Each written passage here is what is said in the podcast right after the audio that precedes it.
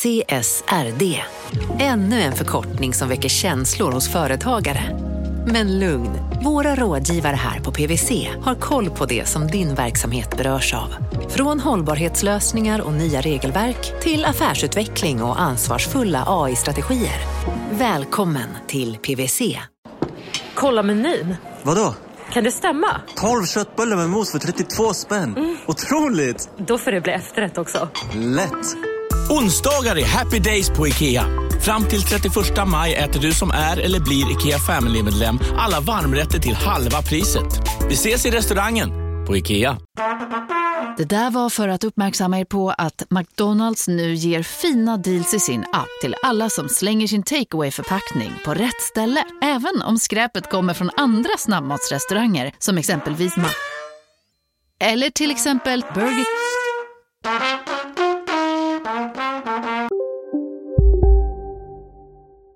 Från Monopol Media, det här är Kapitalet. Jag heter Åsa Secker. Och jag heter Gunnar Harjus.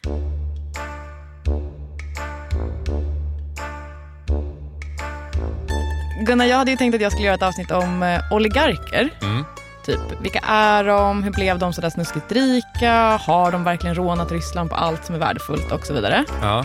Eh, låter som att det skulle kunna bli ett eh, bra avsnitt? Frågetecken. Absolut. Eh, sen började jag läsa på ja. och så gjorde jag en jättelång intervju med en före detta ambassadör och så trillade jag liksom djupt ner i researchhålet som också kallas för eh, Sovjets kollaps. Ah.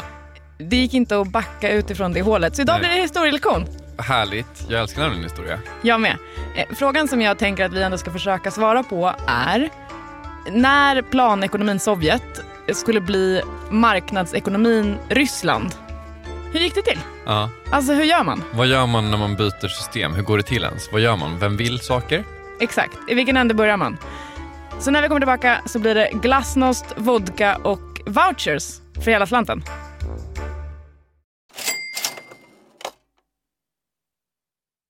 Vi sponsras av Storbrand Asset Management som ju förvaltar över 1000 miljarder norska kronor, bland annat för SPPs eh, många pensionssparare. För två år sedan så investerade Storbrand i drygt 60 tåg, alltså tågvagnar, eh, som rullar mellan London och Skottland. De leasar sedan de här tågvagnarna till tågoperatören som alltså kör tågen och säljer biljetter och sånt eh, med ett avtal på 27 år. Så britterna får nya fina tåg och storbrandskunder, eh, däribland alltså SPPs pensionssparare, får en inflationsskyddad avkastning med låga risker under lång tid.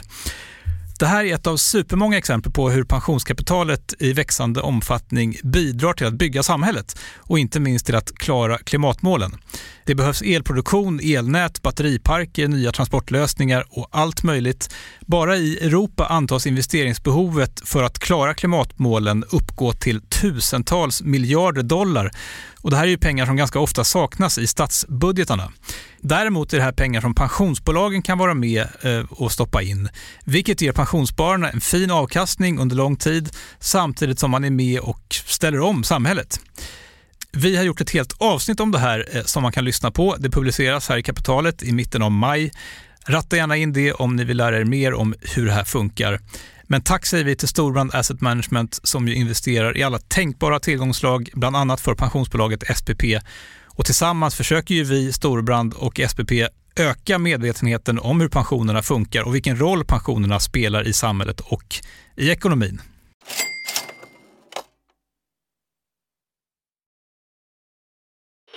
Så här lät det klockan sju på kvällen i sovjetisk tv ja. den 25 december 1991 Я покидаю свой пост с тревогой, но и с надеждой, с верой в вас, вашу мудрость и силу Min, min ryska har varit bättre, men 25 december 91 det känns som det borde vara Gorbatjov.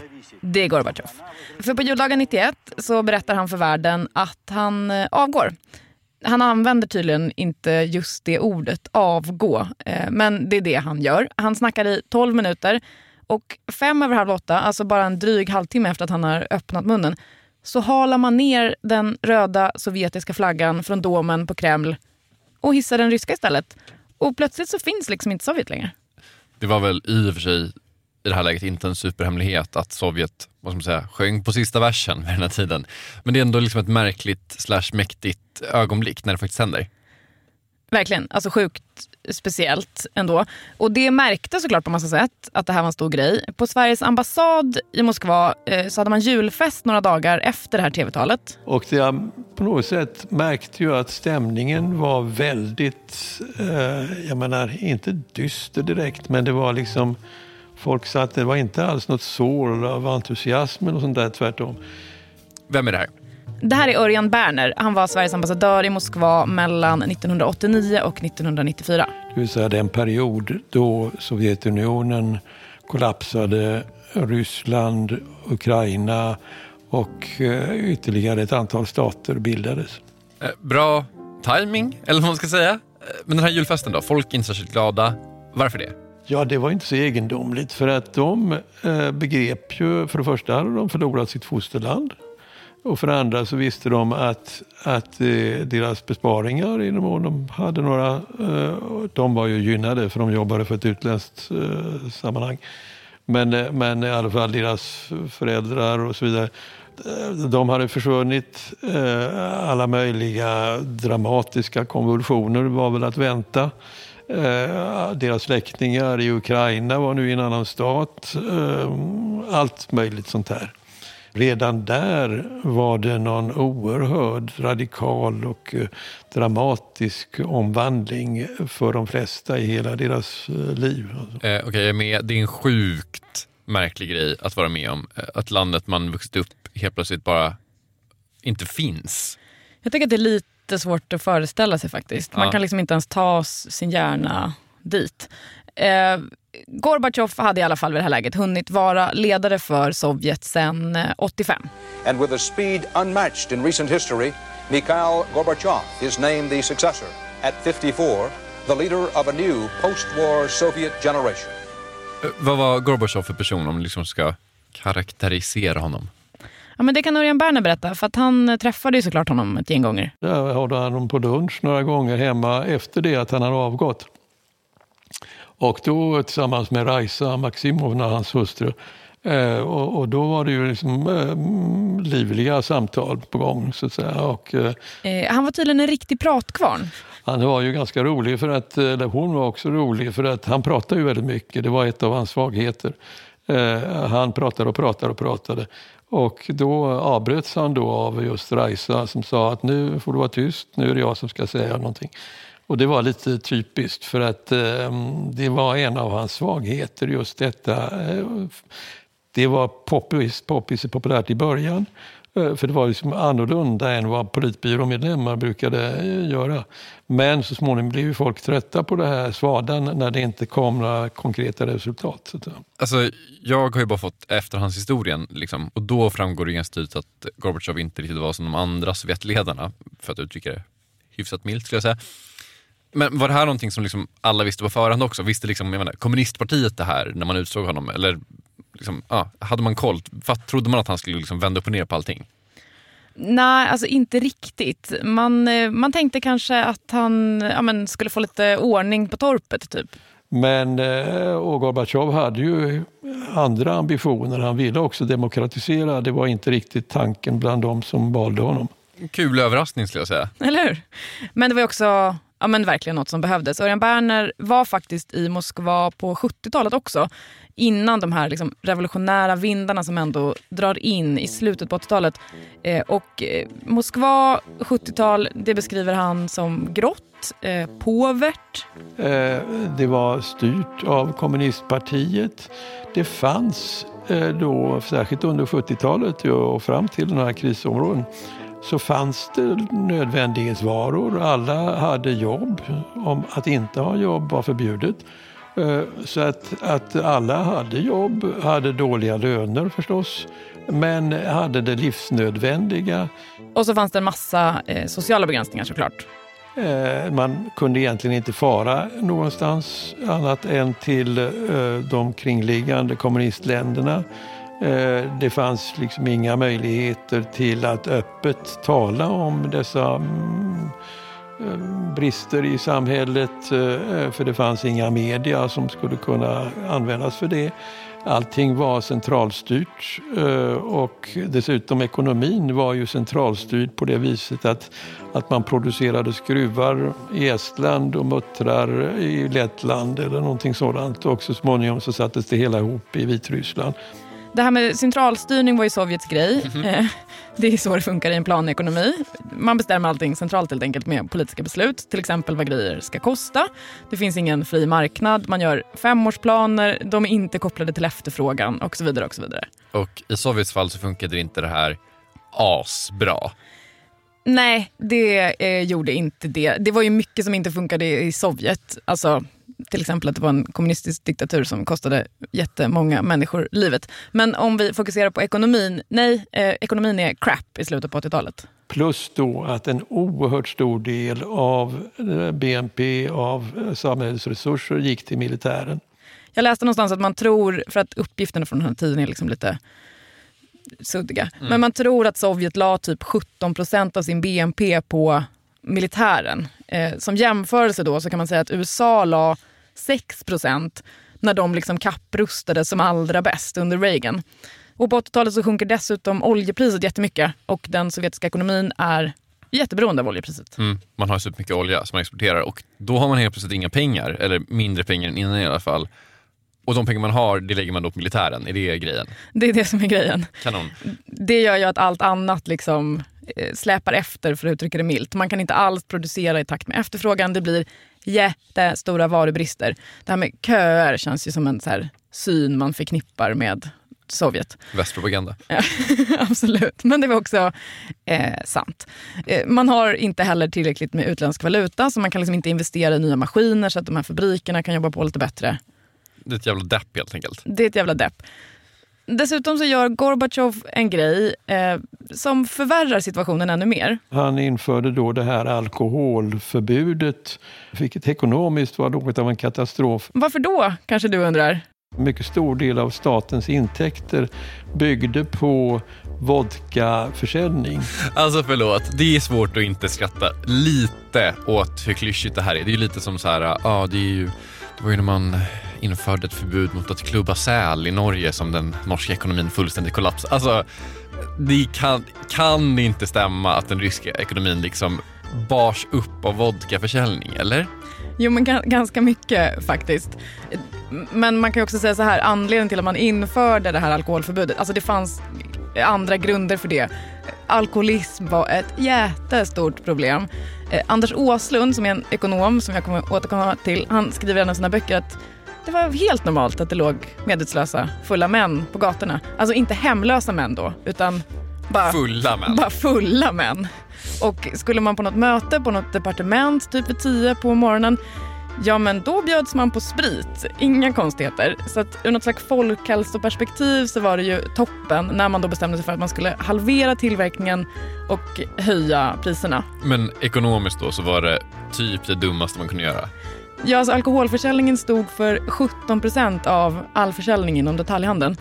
Så att när den liksom totalt slaktades, då störtdök ju skatteintäkterna. Eh, det var kanske inte det man behövde som allra mest eh, just då. Förlåt, jag måste bara understryka. 17 procent av försäljningen i detaljhandeln. Ja. Okej, okay, fortsätt. Nästan en femtedel alltså. Ja, så det var inget eh, genidrag av Gorbatjov. Man gjorde också en del andra grejer som kanske inte funkade toppen. Men om man liksom så här zoomar ut lite, den lite mer övergripande strategin som Gorbatjov ändå hade var väl inte helt fel. Hans grundläggande tes blev att om man inte demokratiserar eh, så får man inte det tryck som behövs för att reformera. Okej, så team demokratisering, det är ett team jag ofta ställer mig bakom skulle jag säga. Hur gör man det? Vad, vad bestod det av? Ja, men Gorbatjov hade ju två eh, ord som han slängde sig friskt med och som liksom präglar hela den här perioden. Eh, det är glasnost och eh, perestrojka. Som betyder? Glasnost betyder öppenhet, alltså genomskinlighet. Och det innebar ju då att man eh, plötsligen började kunna skriva och säga och tala öppet och klart, även om då känsliga ämnen. Typ yttrandefrihet. Och den andra? Perestrojka däremot, det var alltså om att man bygger om eh, och det gick ju sämre. Så glasnost på ryska betyder alltså öppenhet. Perestrojka betyder ombyggnad. Örjan Berner menar att den här glasnost-öppenheten pikade typ när han kom dit 1989, eller när han kom tillbaka 1989. För då hade Gorbatjov lyckats driva igenom att man skulle bilda en folkkongress som det dessutom skulle vara så här någorlunda demokratiska val till. Så den hade bildats och så hade de sitt första möte på försommaren och allt det här sändes på tv. Alla satt och lyssnade på de här debatterna för att för första gången eh, så lyckades man alltså fullständigt öppet debattera alla de problem, alla de svagheter, alla de brottsliga handlingar för den delen också som hade företagits under hela det här Sovjetväldets tid. Jag skulle säga att det låter som ett framsteg ändå. Absolut. Det var det. Sen vet vi vad som händer hösten 89.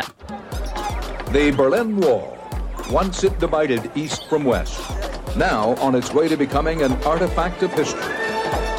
Berlinmuren slash den antifascistiska skyddsvallen faller. Den faller. Eh, Det var tydligen ingen jättestor grej eh, i Moskva. Jag satt då med Shevardnadze, alltså utrikesministern. Vi råkade ha ett besök av vår utrikesminister Sten Andersson just vid den här tiden. Och då satt vi på morgonen när muren hade fallit under natten eller kvällen. Eh, Och Shevardnadze som gick ut några gånger för att prata med Gorbatjov i telefon. Han var inte ett dugg eh, speciellt oroad eller tyckte att det var så förfärligt märkvärdigt för det hade man räknat med. Kallt hanterat. Mycket kallt. Sen var ju för sig murens fall så här rätt omvälvande på massa sätt. Ryssarna hade kanske till exempel inte räknat med att så här, Tyskland skulle återförenas. Strunt samma. Eh, Gorbatjov kämpar på med sin eh, perestrojka, alltså med sin ombyggnad. Det går inte toppen. Eh, sommaren 1990 eh, så är det några eh, progressiva ekonomer som presenterar något som de kallar för 400-dagarsprogrammet, som sen får namnet 500-dagarsprogrammet. Det är väldigt oklart. Det är ett gäng radikala förslag som ska omstrukturera hela den sovjetiska ekonomin på 400 dagar. Den säger Gorbatjov nej till efter ett antal turer fram och tillbaka. Den hade ju så ett bra namn. Varför säger nej till det här? Det är inte helt eh, solklart. Eh, förmodligen mest på grund av en massa inrikespolitiska splittringar. Om man ska förenkla det jättemycket så kan man väl säga att så här, inom kommunistpartiet så fanns det en stark falang som var emot alla de här reformerna. Och eh, de var starka, han gav vika för dem. Typ, väldigt förenklat. Däremot så går det ju under en period i alla fall som en dans för Gorbatjov med utrikespolitiken. Den eh, norske Nobelkomité har besluttet at eh, Nobels fredspris for 1990 skal tildeles Mikhail Sergejevitsj Gorbatsjov. Han får fredspriset. Han får fredspriset. Den lyckan är rätt kortvarig för att eh, 91 så blir han utsatt eh, för en kupp. Det här är Morgonekot. Först senaste nytt ifrån Moskva. Trots utegångsförbudet så har tiotusentals människor hållit stånd. Jag var där då, ja, eh, augusti 91, precis. Eh, Aj, aj, aj. Vilka är kuppmakarna?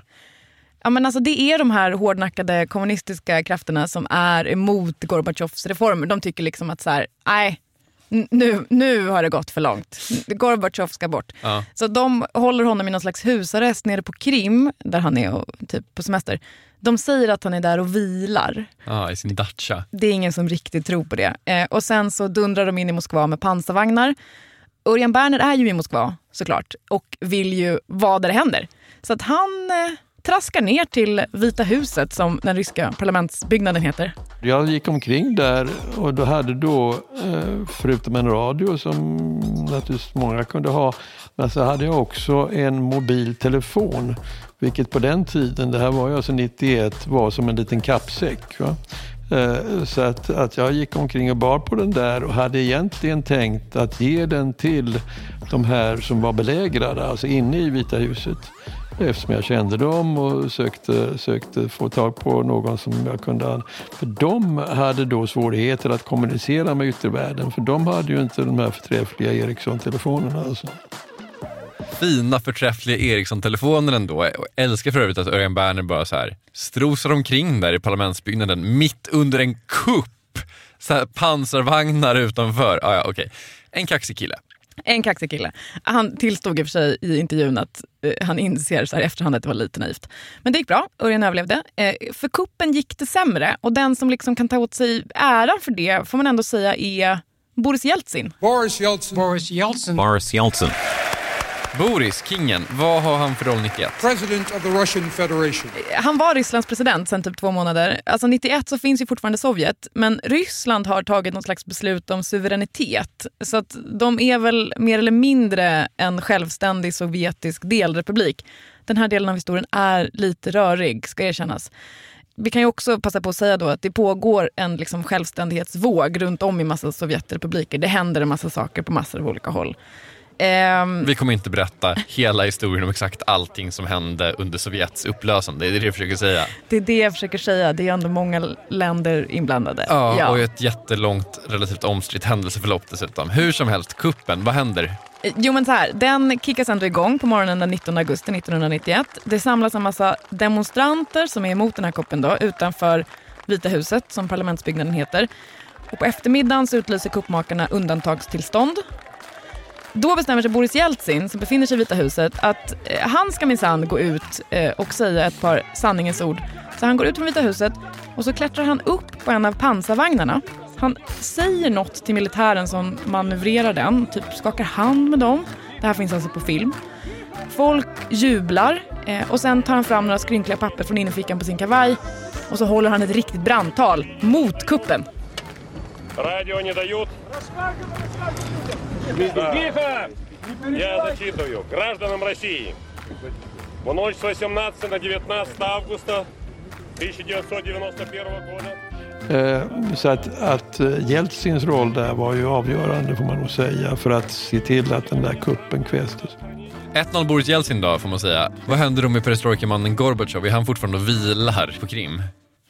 Alltså han fick komma hem igen, men efter det här så finns det liksom inte riktigt någon väg tillbaka. Och det har man väl liksom eh, förstått sådär under det där året, men det blir, det blir väldigt definitivt eh, eh att det liksom är Jeltsin som är segraren här.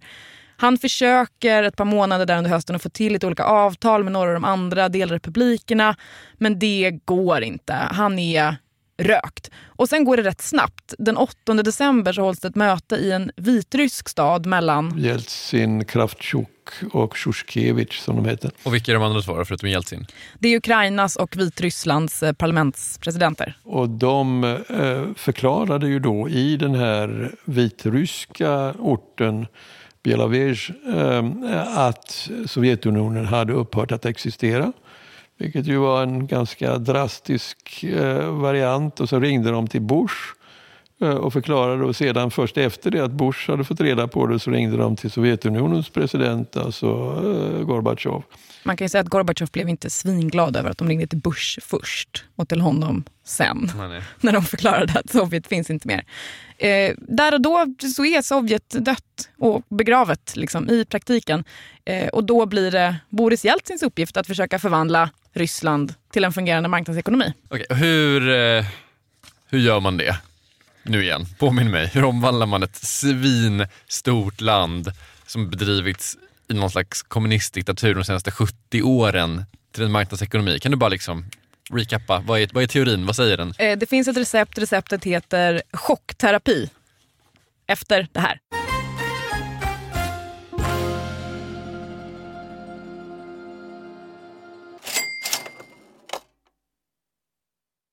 Kapitalet sponsras av Master Exchange, plattformen där du som privatperson kan investera i låtar och får pengar varje gång de här låtarna spelas.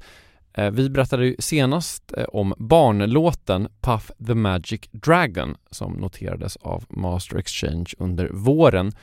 Nu har utdelningen på den låten kommit, eller royaltyn som vi säger i musikbranschen. Eh, den ligger på drygt 12% i årstakt och det här är ju en avkastning som är helt okorrelerad till eh, börsen. Till och med Goldman Sachs har börjat skriva om just musik som investering eh, just ur det här perspektivet. Nu finns en möjlighet att investera i en ny låt. Eh, låten heter Boss Bitch och den är av Doja Cat som, alltså jag ska inte säga att jag är superdeep här men det är ändå en, en person som jag vet om det är. En, en världskändis. Den här låten gav baserat på förra årets spelningar en avkastning på drygt 13%. Master Exchange har just nu en väntelista på registreringar. Det, det går lite för bra för dem kan man säga. Men Skriver ni in kapitalet som promo code så kan ni runda kön och ansöka om andelar i låten Boss Bitch ändå. Man investerar helt vanliga pengar, det är inget krypto eller sånt där. Så vill du investera i musik och få en avkastning som är helt okorrelerad med börsen och kanske inte minst för att det är kul att äga låtar eh, så kan man gå in på masterexchange.com och använda kapitalet som promo code så går man alltså förbi kön. Kom ihåg dock att alla investeringar är förenade med risk, men vi säger stort, stort tack till Master Exchange. Kapitalet sponsras av Karla, Jakob. Ja, bilar igen. Ja, det är härligt. På Karla kan man sälja sin elbil eh, på det gissningsvis smidigaste sättet i Sverige. Eh, Karla har ju ett nästan ett komiskt högt användarbetyg på Trustpilot. Mm. 4,8 av 5, vilket jag typ aldrig hört talas om. Nej, det är väldigt, väldigt högt. Eh, man knappar in lite info om bilen på sidan, sen får man en gratis värdering och ett bud.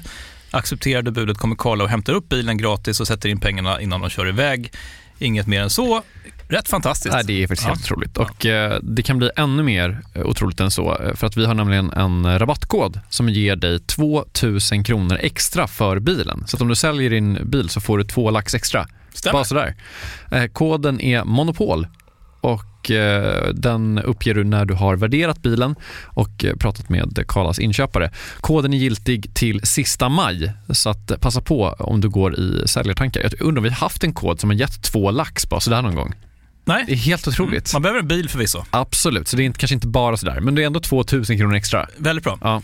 Så sälj din elbil eller laddhybrid till Karla. Du får 2000 kronor extra med rabattkoden Monopol. Eh, hoppa in och kolla på karla.se, Karla Museet. Där kan man också köpa bilar ska jag tillägga. Verkligen. Vi säger stort tack till Karla.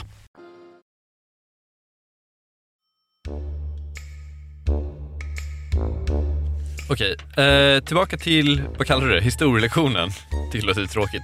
Den här dramatiseringen av extremt omvälvande historiska händelser. Mycket bra beskrivning. Ja. Eh, Gorbatjov är ute, Jeltsin är inne, Sovjet finns inte längre, istället så är det Ryssland som är grejen och där du så är det marknadsekonomi för hela slanten. Ja, eh, det är 1992. Man kan säga att Jeltsin och eh, grabbarna har ett rätt tufft utgångsläge. Ouch. Inflationen är jättehög. Eh, Jag har läst att den som mest var uppe på 245 procent i januari 92. Det är mycket. Det är mycket. Ja, de har dessutom en enorm varubrist. Jordbruket funkar inte alls. PGA har inte uppdaterats sedan 1922 ungefär. Ja. För att ytterligare lätta upp stämningen så har de ett budgetunderskott på typ 30 procent av BNP.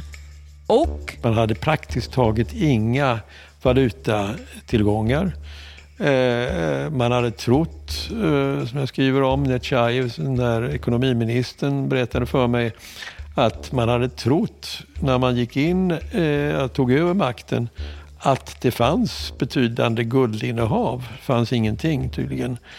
Varför detta var så är något oklart. Det finns ju sådana här studier som gör gällande att, att partiet och KGB hade fört ut en massa pengar och, kanske också guld. Men, eh, men även så hade man nog förslösat det mesta skulle jag tro. Kris och möjlighet är samma ord.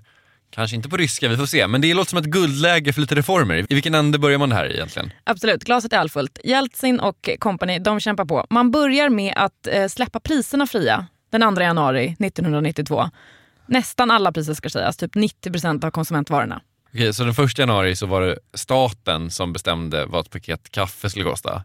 Och den andra januari så är det den som säljer kaffet som bestämmer vad det får kosta.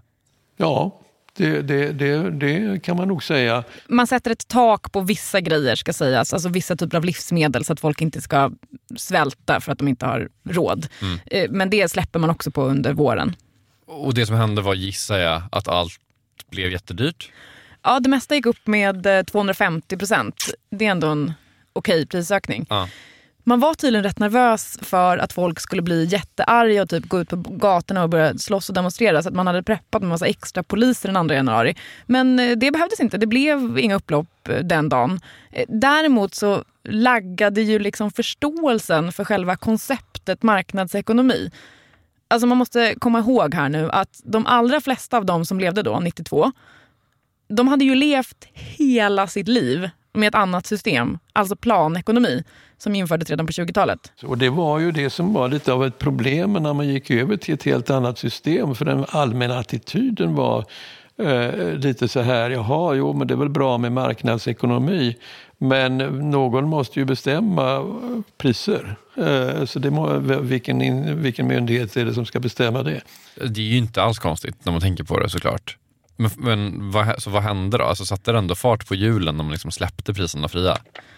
Ja, men det får man ändå säga. Eh, och i viss, mån, I viss mån så fungerade det här. Varorna kom ju ut i kiosker, alla, alla gator, eller inte alla, men eh, i stort sett i centrum i alla städer så kom plötsligt en massa kiosker och sköt upp som svampar ur marken.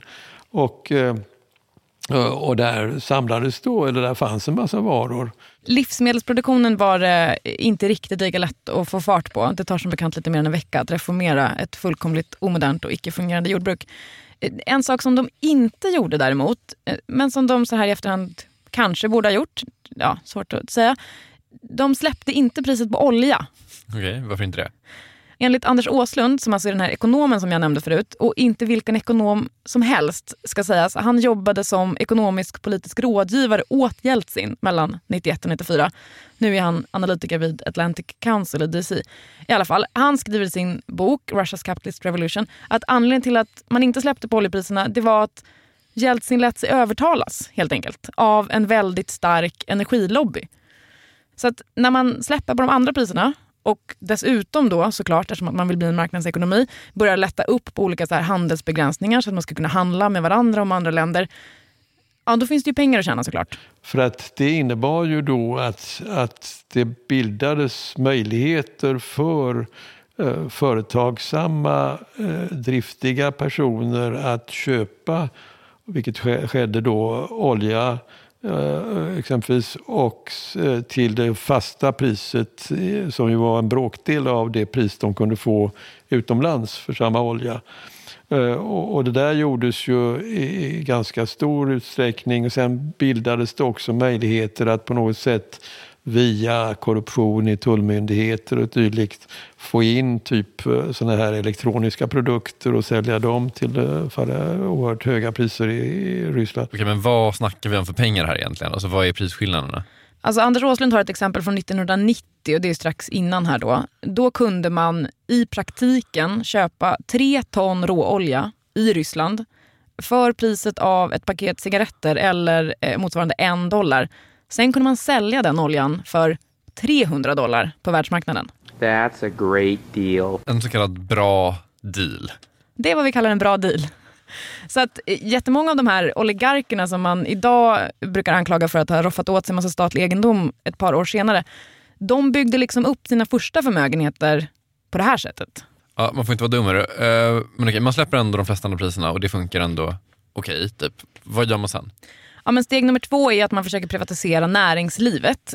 Det här ska ju sägas hade ju påbörjats av Gorbatjov i viss mån. Man hade stiftat ett gäng nya lagar eh, som gjorde att folk typ kunde äga saker, driva företag. Men det var liksom en lite, ja, det var lite halvhjärtat. Man hade inte rott det där hela vägen i hamn. Så nu skulle det hända grejer eh, och det skulle gå fort. Det är därför det kallas för eh, chockterapi, de här första reformerna. Varför var det så viktigt att det skulle gå fort? Den här Chubais framförallt. Chubais var alltså privatiseringsminister drev ju tesen att om man inte väldigt snabbt privatiserar så att man skapar en egendomsägande klass, eh, privatföretagare, en slags borgerlighet om man så vill, eh, så kommer inte det bildas någon motvikt till kommunistpartiet eh, som ju fanns kvar och som då skulle kunna, eller för den delen andra reaktionära grupper, eh, som skulle kunna alltså, återkomma och ta över och återta makten. Eh, för de skulle inte ha någon tillräcklig motvikt eller balans. Och därför så måste man driva igenom det här väldigt snabbt så det skapades ett intresse. Okej, så vad är det de gör då, Jeltsin-gänget? De delar ut vouchers. Vouchers till alla? exakt. Fast istället för en bil så fick man alltså en voucher. Alla fick vouchers. Alla medborgare, anställda i fabrikerna, alla. Den här vouchern den kunde man använda för att vara med och buda på aktier i alla statliga företag som skulle auktioneras ut. Jag misstänker att här Kan det finnas en baksida? Ja, om man ska hålla, hålla kvar vid den här liknelsen med Operas bilar. Där visade det sig ju att publiken var tvungen att betala en gåvoskatt på 7000 dollar. Eh, med Jeltsins vouchers så uppstod det ett annat problem som man kanske inte hade tänkt på. De flesta eh, trodde väl inte att de här vouchers skulle kunna ge något nämnvärt och om det då kom folk som sa att du får en vodkaflaska eller två för det här eh, så tog man väl erbjudandet ofta. Och så på detta sätt så samlade ju då de som mm, opererade på det här viset eh, kunde ju samla ihop ganska många vouchers och därmed ta över så småningom eh, företaget. Men visst, det var en massa företag som privatiserades genom de här auktionerna. Jag kommer inte ihåg siffran nu, 16 17 000 någonting. Ganska så små företag. Det går liksom inte att säga någonting om och det var ändå det som var målet. Så de har då släppt priserna fria, kickat igång privatiseringsbonanzan. Allt går ju såklart inte smärtfritt, för att, hur skulle du kunna göra det? Men, men det händer ändå grejer. Det händer ändå grejer. Det händer mycket det där första halvåret 1992. Men alltså min känsla när man läser om det här, när man pratar med personer som Örjan Berner, det är att det finns absolut en jättestor politisk vilja att liksom genomföra massa ekonomiska reformer, få det här nya landet på fötter. Det finns också ett enormt motstånd, alltså politiskt, folk som bara är emot förändring för att de kanske har gynnats av det gamla systemet. Eh, det finns också en massa folk som liksom så här, nej men sätter sin egen lycka framför landets. Det gör ju folk. Det finns massa chefer för statliga företag som liksom cashar in på den höga inflationen. Eh, de här gängen som tjänar massa pengar på att man inte släppte oljepriset och så vidare. och så vidare och så vidare. Ett problem på riktigt är ju verkligen att folk inte fattar vad marknadsekonomi är. För att hur skulle de kunna fatta det? Och att man behöver ju som kollektiv förstå vad det innebär för individen på något sätt. För annars så kan man verkligen bli så jävla blåst. Och de hade ju varit isolerade från omvärlden jättelänge så det är inte alls konstigt att de inte mm. förstår. Nej, såklart. Men mycket motvind överlag då som man kanske då inte heller kan rå på på något sätt, eller? Nej, alltså Örjan Berner menar att en grej som Jeltsin kanske borde ha gjort, eh, det är svårt att veta vad som hade hänt, men han hade kunnat ombilda parlamentet när han var som absolut mest populär i slutet av 91 innan han liksom tog över hela skutan formellt. För då hade han blivit av med några av de här liksom, starkaste politiska motståndarna i parlamentet. Så att man inte hade det som en bromskloss så är det ännu mer en motståndare. Ja, lätt att vara efterklok antar jag. Men då har jag en fråga. Vad hände med de här oligarkerna som blev rika på att sälja olja och elektroniska produkter och vad det var? Jo men eh, de byggde liksom upp sin första förmögenhet där då tidigt. Sen gjorde de en, liksom, de låg lite sådär i skymundan och sen gjorde de en storslagen comeback några år senare inför parlamentsvalet 95 och presidentvalet 96. Eh, då såg det väldigt illa ut för Jeltsin för han hade då haft, ja, gjort olika katastrofala misstag, framförallt det första Tjetjenienkriget. Eh, och då eh, så eh, insåg man att man måste rekrytera stöd från de som då hade skaffat sig stora förmögenheter och var dessa oligarker.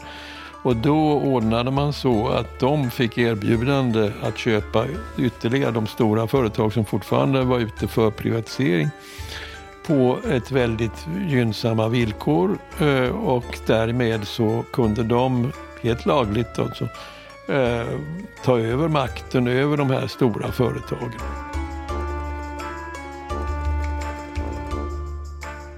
Det man gjorde lite mer specifikt det var att man sa till de här oligarkerna, eller man och man, Jeltsin, att om de lånar ut 2 miljarder dollar till den ryska staten under ett år, eftersom att staten hade det rätt kämpigt, så skulle de i utbyte få förvalta andelar av några av de så riktigt stora statliga företagen som man inte hade sålt än. Och om staten inte hade betalat tillbaka det här lånet inom ett år, vilket de såklart inte kunde göra, så fick oligarkerna sälja de här andelarna. Och de fick sälja dem till sig själva om de ville. Det låter som en otroligt dålig och också väldigt kontroversiell idé. Jo men det var det. Det var jättekontroversiellt. Det blev en jävla massa snack om det här. Eh, det handlade liksom om jättestora, supervärdefulla företag, framförallt oljeföretag. Och även om Jeltsin sen vann det här valet med hjälp av de här oligarkerna då, för det blev ju någon slags pakt mellan regeringen och oligarkerna om man ska vara krass, så kostade det honom jättemycket eh, politiskt. Men jag tycker att eh, Anders Åslund gör en intressant och kanske kontroversiell poäng i sin bok om det här. För att flera av de här företagen som togs över blev sen jättelönsamma och har bidragit med så här hur mycket skatt som helst till den ryska staten. Så att Åslund menar, han skriver rakt ut att så här, den ryska privatiseringen var aldrig tänkt att vara moralisk eller jämlik. Så här. Den skulle vara funktionell. Och den här dealen som regeringen gjorde med oligarkerna, den funkade rent ekonomiskt. Mm. Det är, han, det är hans åsikt, inte min. Mm. Okej, det är ju en annorlunda tolkning än vad många andra har, måste vi väl ändå säga. Ah, ja. Jag skulle säga så här, att sammanfattningsvis så blev ju Ryssland ändå en marknadsekonomi till slut. Eh, det kostade. De som framför allt fick betala priset var ju såklart helt vanliga ryssar. Absolut, alltså 90-talet för de flesta ryssar är en trauma. För att vad som hände var ju då att, att priserna steg ju rasande fart. Eh, alla dina tillgångar försvann ju om du hade dem på banken i rubel. Om du hade varit fiffig och begripit att du skulle snabbt växla över till dollar Eh, så hade du klarat dig, men det var ju inte de flesta. Ditt jobb var i fara eh, förstås eh, och för många blev ju avskedade när man kunde rationalisera bort dem. Så att för det absoluta flertalet tror jag nog att 90-talet som sagt var, var ett trauma vilket förklarar mycket av Putins popularitet för att det tog, traumat tog i stort sett slut då i början på 2000. Om du undrar om Örjan Berner har träffat Putin också eh, så är svaret såklart ja. Eh, han hamnade bredvid honom på en lunch för länge sedan. Örjan var inte superimponerad. Den här grå musen Putin eh, var ju ett, inte alls så intressant att prata med då tyckte jag. Vilket ju var ett misstag onekligen men det var svårt att veta då. Kapitalet är slut för idag. Vill man veta mer om den här fascinerande historien, lite mer av hela historien, så kan man till exempel läsa Örjan Berners bok Härskarna i Kreml eller Anders Åslunds eh, Russia's Capitalist Revolution. Jag heter Åsa Secker, du heter Gunnar Harjus, mm. Jakob Bursell heter vår chef, Kristoffer Krook heter vår ljudtekniker som har mixat det här programmet och gjort musiken som ni hör exakt prick nu. På Instagram heter vi Kapitalet. Apropå Instagram så har vi fått en hel del frågor om de extremt snygga Kapitalet-tröjorna som skymtar förbi på stories ibland. Vi vill bara säga att vi snart kommer inte, säga mer. Ni kommer få olika möjligheter att lägga vantarna på en sån här tröja. Exakt, säkert. Hej då!